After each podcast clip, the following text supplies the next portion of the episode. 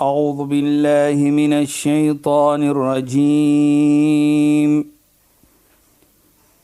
بسم الله الرحمن الرحيم.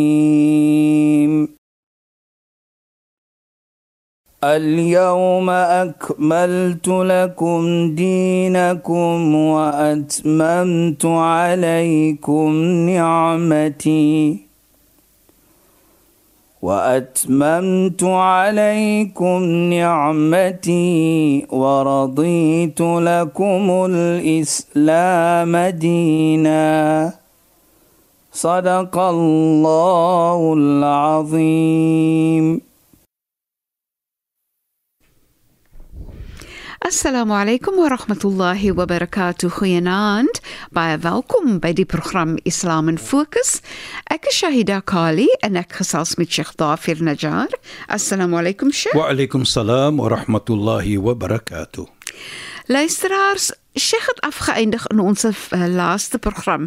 Ek het die vraag gevra Ons praat oor Hajj en die belangrikheid en die mooiheid van Hajj en mense wil so so so graag die vyfde pilaar van Islam doen volkom en so meer. So mense se harte trek na die Hajj en om dit te kan voltooi.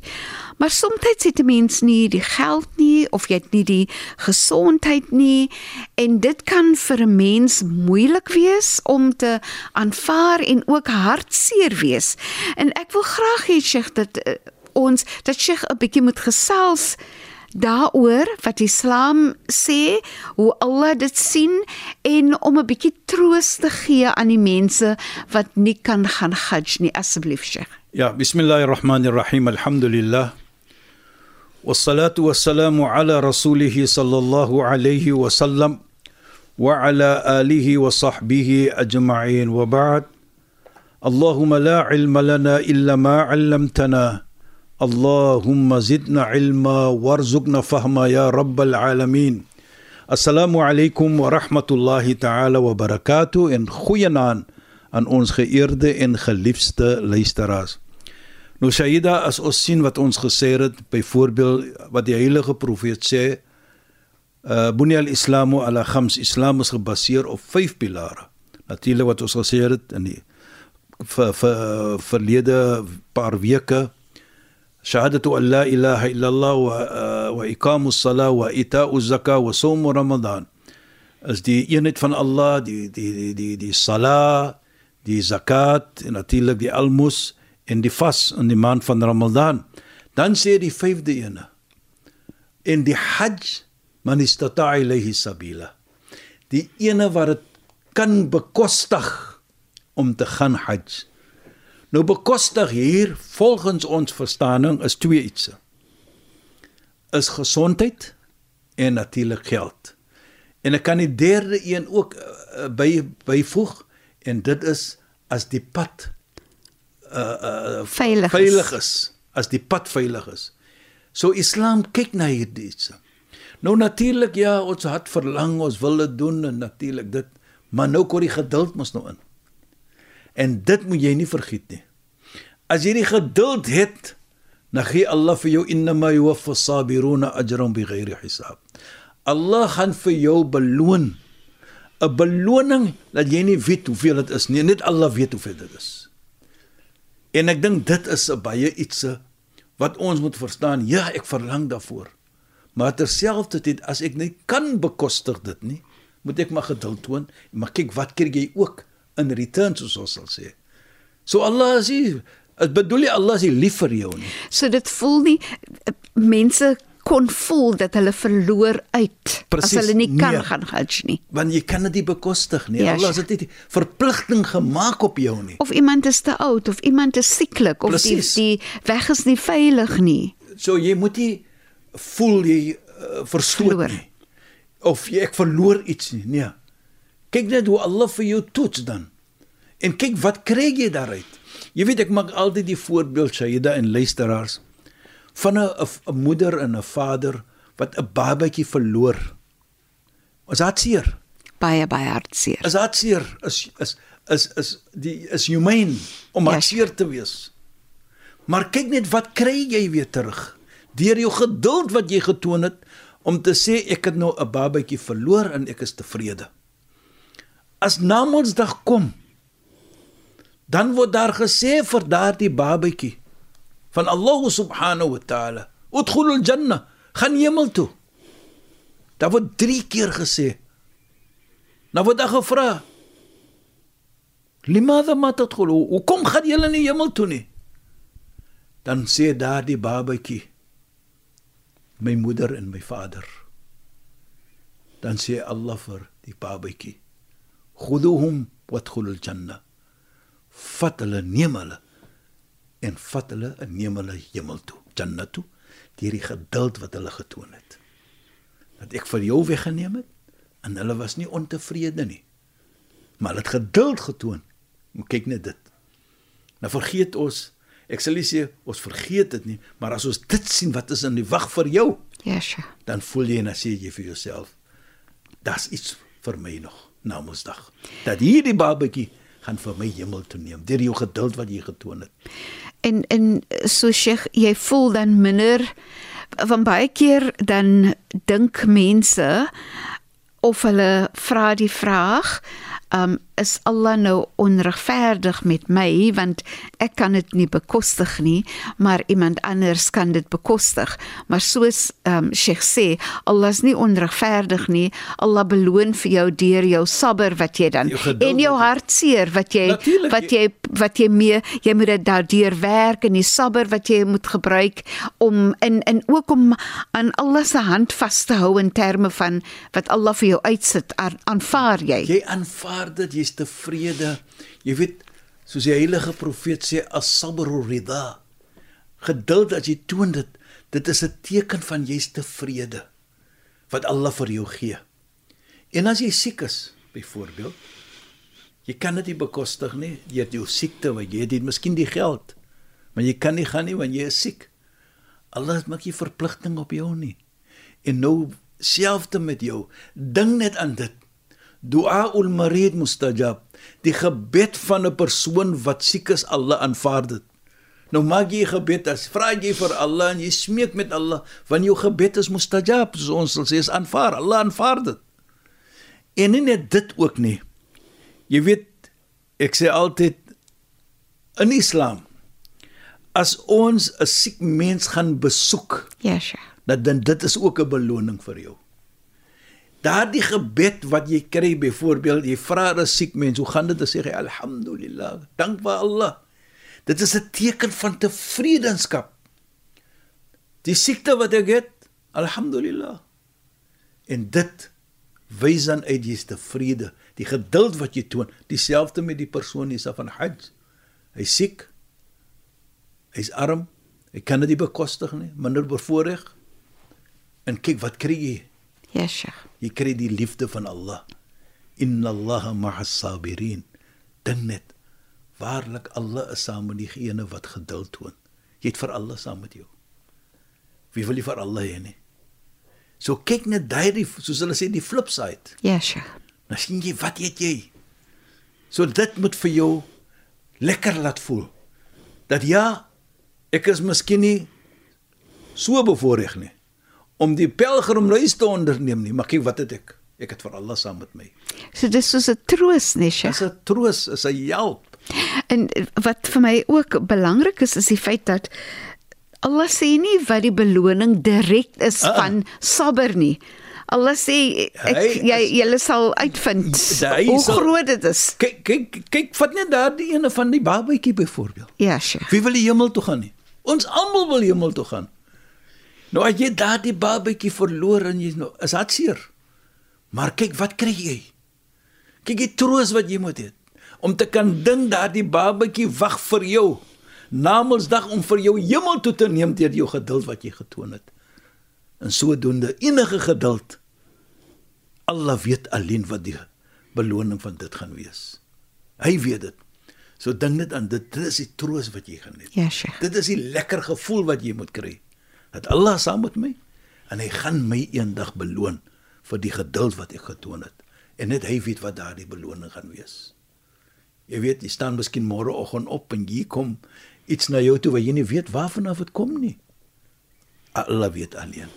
En ek dink as ons dit het Shaida in ons lewe, dan gaan die lewe bietjie gemakliker wees.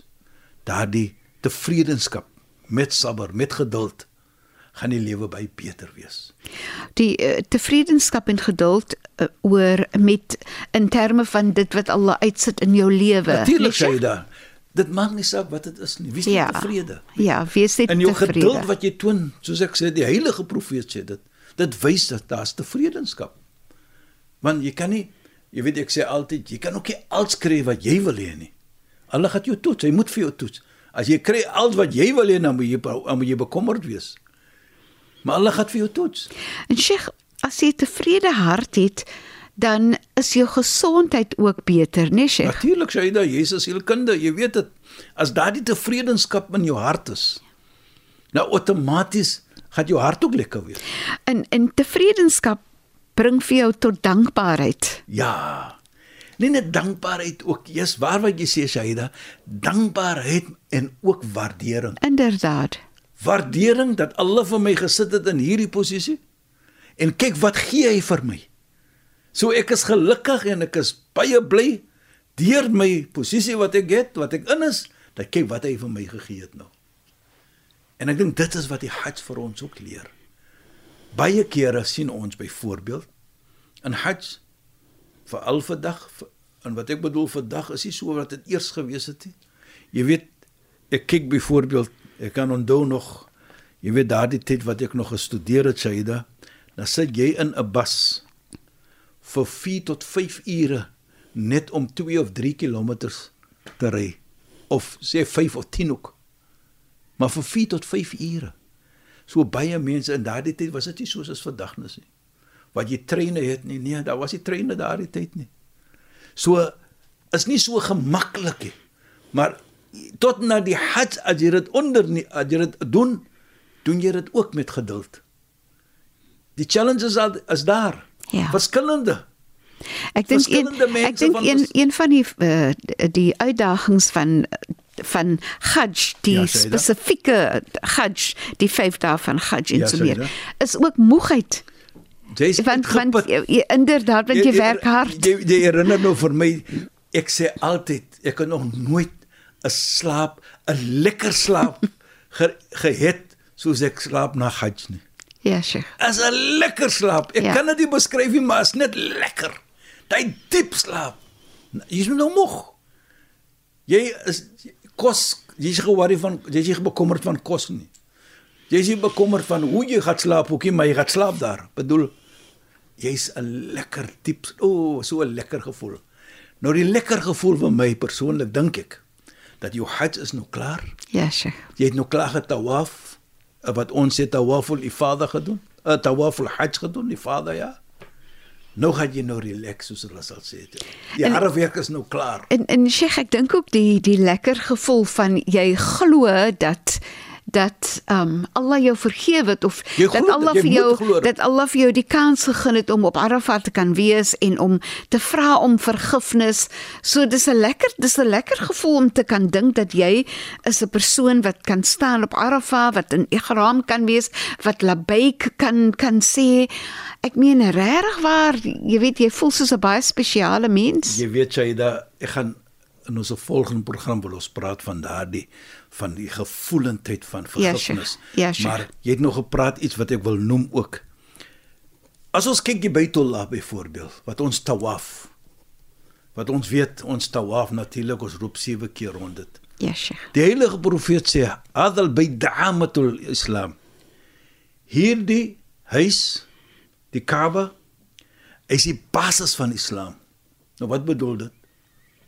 Almal is geheg, ons almal is geheg aan die Kaaba. Ons maak salat 5 keer per dag in die direksie van in die rigting van die in die Kaaba. rigting van die Kaaba. Kaaba. So hy heg ons, hy bind ons.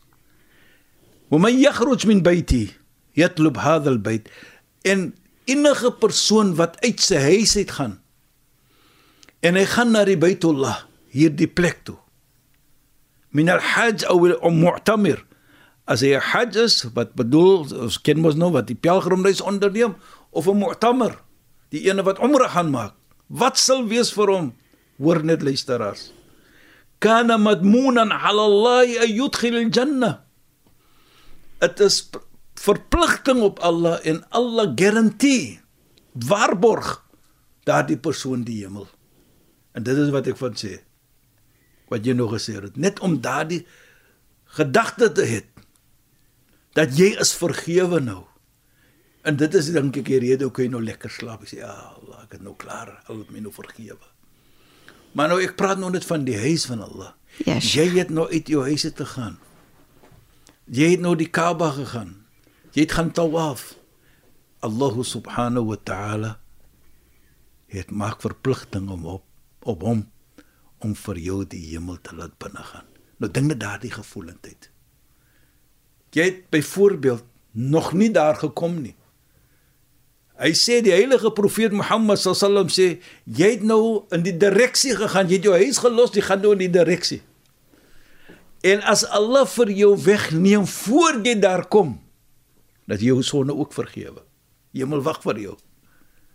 Nou dink net dit om vir ons te laat verstaan ook die belangrikheid van hierdie reis dat geheg aan dit. Allah heg dit aan vergifnis. Allah heg dit aan dit is wat jy moet soek is my vergifnis. En en, en soos ek gesê het as jy nog nie by skool wil jy sterf af voor jy kom daar. Baie mense het al ek kan altyd on, altyd onthou ek weet van mense wat in Nairobi ja die tyd tot ons neer Kenia die gery in Nairobi dat daar mense afgestorf het in Nairobi voordat hulle Jeddah toe gegaan het for for whatever reason. Ja, Sheikh. hulle is vergewe want die heilige profeet sê vir ons hulle direksie was Mekka hulle direksie was die Baitullah so hulle is vergewe. Nou as ons terugkom byvoorbeeld ons sien hoe bevoorreg is die mense wat pelgrim reis maar moet ook nie vergeet nie. Die heilige profeet hy sê ook wat die pelgrim mense doen met 'n gebed hoe dit vir ons affekteer wat nie op die reis is nie wat nie so op hierdie pelgrimreis is nie wat doen dit en wat doen daardie mense as hulle 'n gebed maak maar dit vir volgende weer Ja, inderdaad, Sheikh, ons het nie nou tyd om verder daaroor te gesels nie. Shukran en assalamu alaykum. Wa alaykum salaam wa rahmatullahi wa barakatuh en goeienaand aan ons geëerde en geliefde luisteraars. Luisteraars, baie dankie dat julle weer by ons ingeskakel het. Ek is Shahida Kali en ek het gesels met Sheikh Dafir Najjar. Assalamu alaykum wa rahmatullahi wa barakatuh en goeienaand. أعوذ بالله من الشيطان الرجيم بسم الله الرحمن الرحيم اليوم أكملت لكم دينكم وأتممت عليكم نعمتي وأتممت عليكم نعمتي ورضيت لكم الإسلام دينا. صدق الله العظيم.